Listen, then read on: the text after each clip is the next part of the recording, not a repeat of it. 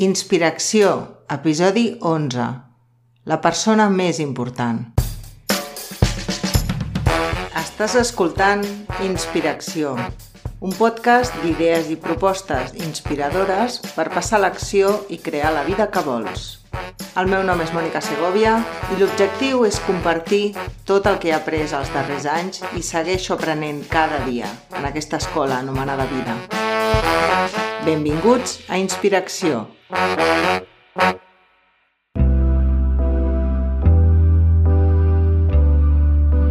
Tenim molt instaurada la idea equivocada que ser la primera persona de la teva llista és ser egoista.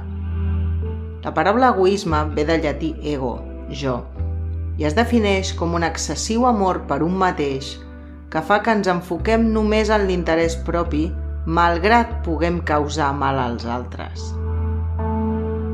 Aquí estem parlant de prioritzar-te, de tenir cura de tu mateixa, per poder donar el millor de tu. Com pots veure, són coses molt diferents. Tenim tan arrelada la idea de que estimar-nos és egoista que ens estimem amb culpa i per educació o per vergonya no ens diem coses boniques en públic. Potser ni a soles, tenim més acceptada la queixa i la crítica que el compliment i l'amor propi. Imagina't una taula on estàs amb unes amigues i arribes i comences a queixar-te de la feina, del teu cap, del govern... Segurament et sentiràs molt acompanyada i rebràs missatges de suport en la teva espiral negativa.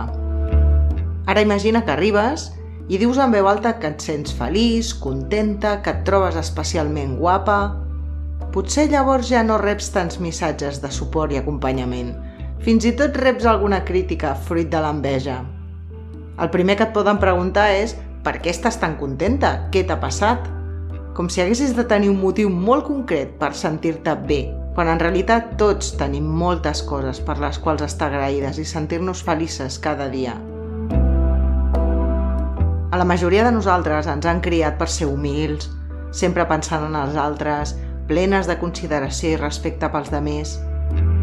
Però per què pensem que hem de triar? Prioritzar-te no vol dir pensar només en tu i oblidar-te dels altres, sinó posar-te la primera de la teva llista donant-te allò que necessites per estar bé i en equilibri. Els altres, els altres, i jo, jo quan? Jo després, o pitjor, jo mai, amb por de dir el que vull dir, a fer el que vull fer, a demostrar-me a mi mateixa que sóc capaç. Com a dones, especialment aquesta creença està més arrelada, per la senzilla raó que durant molts anys hem rebut informació sobre que les dones hem de cuidar, protegir i donar. Ara, si ens qüestionem si això és veritat, podem arribar a la conclusió de que la balança ha estat desequilibrada durant molt de temps. Potser has estat tan dedicada als altres que t'has oblidat de tu mateixa i no saps ni per on començar. Una de les emocions més comunes és la culpa, sentir que no ho estàs fent bé. Jo et pregunto, és egoista voler que els teus fills tinguin un bon exemple?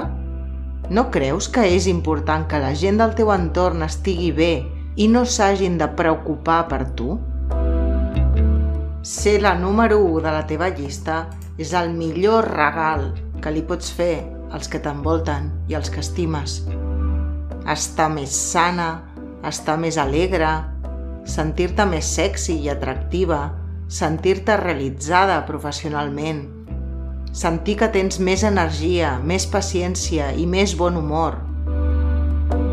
Estimar-te és el gest més gran d'humanitat. Si realment m'estimo i em prioritzo, Mai llançaré un paper al terra, per exemple, perquè jo em mereixo caminar per carrers nets. També somriuré més i seré més amable i empàtica, fent que es redueixin els casos de possibles conflictes tant a casa com a la feina. De veritat creus que és ser egoista atrevir-te a defensar allò que necessites, allò que et fa sentir bé? En absolut. Reconec que és més fàcil de dir que de fer, perquè sovint ens podem trobar amb gent del nostre entorn que ens jutgi amb molta facilitat. Però hem d'entendre que el problema no és nostre, sinó de l'altra persona, que li està ressonant el fet que ella no s'està prioritzant. És el seu camí i nosaltres hem de fer el nostre. No ets responsable de la felicitat dels altres, només de la teva. Si tu prens consciència del que necessites, no estic parlant de coses que vulguis, sinó d'allò que necessites per estar bé. Li estaràs fent un enorme regal d'amor a la gent del teu entorn. Per saber el que necessites realment per estar bé, el primer pas és estar atenta quan et sents en desequilibri, quan estàs neguitosa o quan estàs més sensible o tens poca paciència hi ha alguna cosa que no t'estàs donant per tornar al teu equilibri. Poden ser coses senzilles, com necessito 20 minuts de silenci cada dia, sense fer res, només estar tranquil·la. O potser fer esport 3 hores a la setmana, o quedar amb una amiga dues tardes a la setmana, a soles, per parlar de les nostres coses. Per cada persona és diferent i en cada etapa de la teva vida necessitaràs també coses diferents. Es tracta d'escoltar-te, prestar-te atenció i saber realment què necessites. Saber el que és bo per un mateix és possiblement una de les coses més importants que hem de tenir clares. És dolent fer coses per tu? És dolent pensar en els teus desitjos i il·lusions? És dolent prioritzar les teves necessitats? No, no ho és. Tot el contrari. És essencial pel teu equilibri emocional i psicològic. Els altres. Quina pressió més poderosa.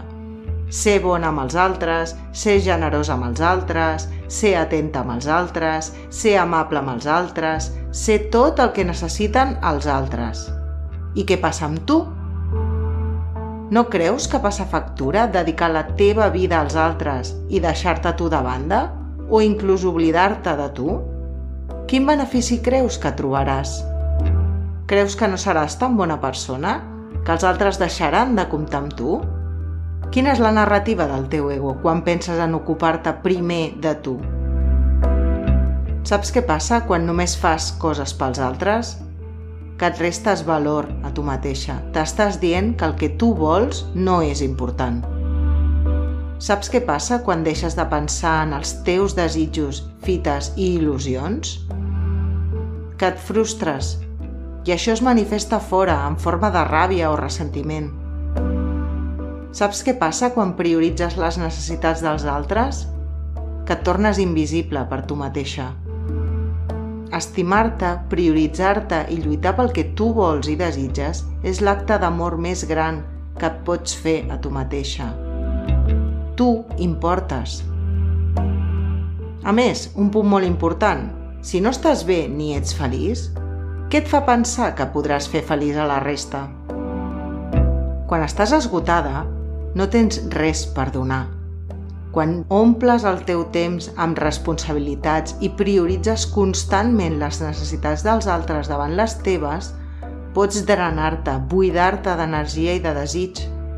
Segur que alguna vegada a la teva vida has experimentat la diferència entre fer alguna cosa perquè ho he de fer i donar des de la sensació de tenir alguna cosa per oferir. Ajudar els teus fills a fer els deures, col·laborar amb un col·lega de la feina en una tasca concreta, preparar un sopar romàntic per la teva parella, fer un favor a un amic de tot cor i sense esperar res a canvi. Fer allò que estimes t'omple d'energia. Quan estàs entusiasmada i contenta, tens més energia i positivitat per donar a les persones que t'envolten. De fet, a l'atendre les teves necessitats i practicar una bona cura personal, alteres exponencialment la qualitat de com et relaciones amb els altres.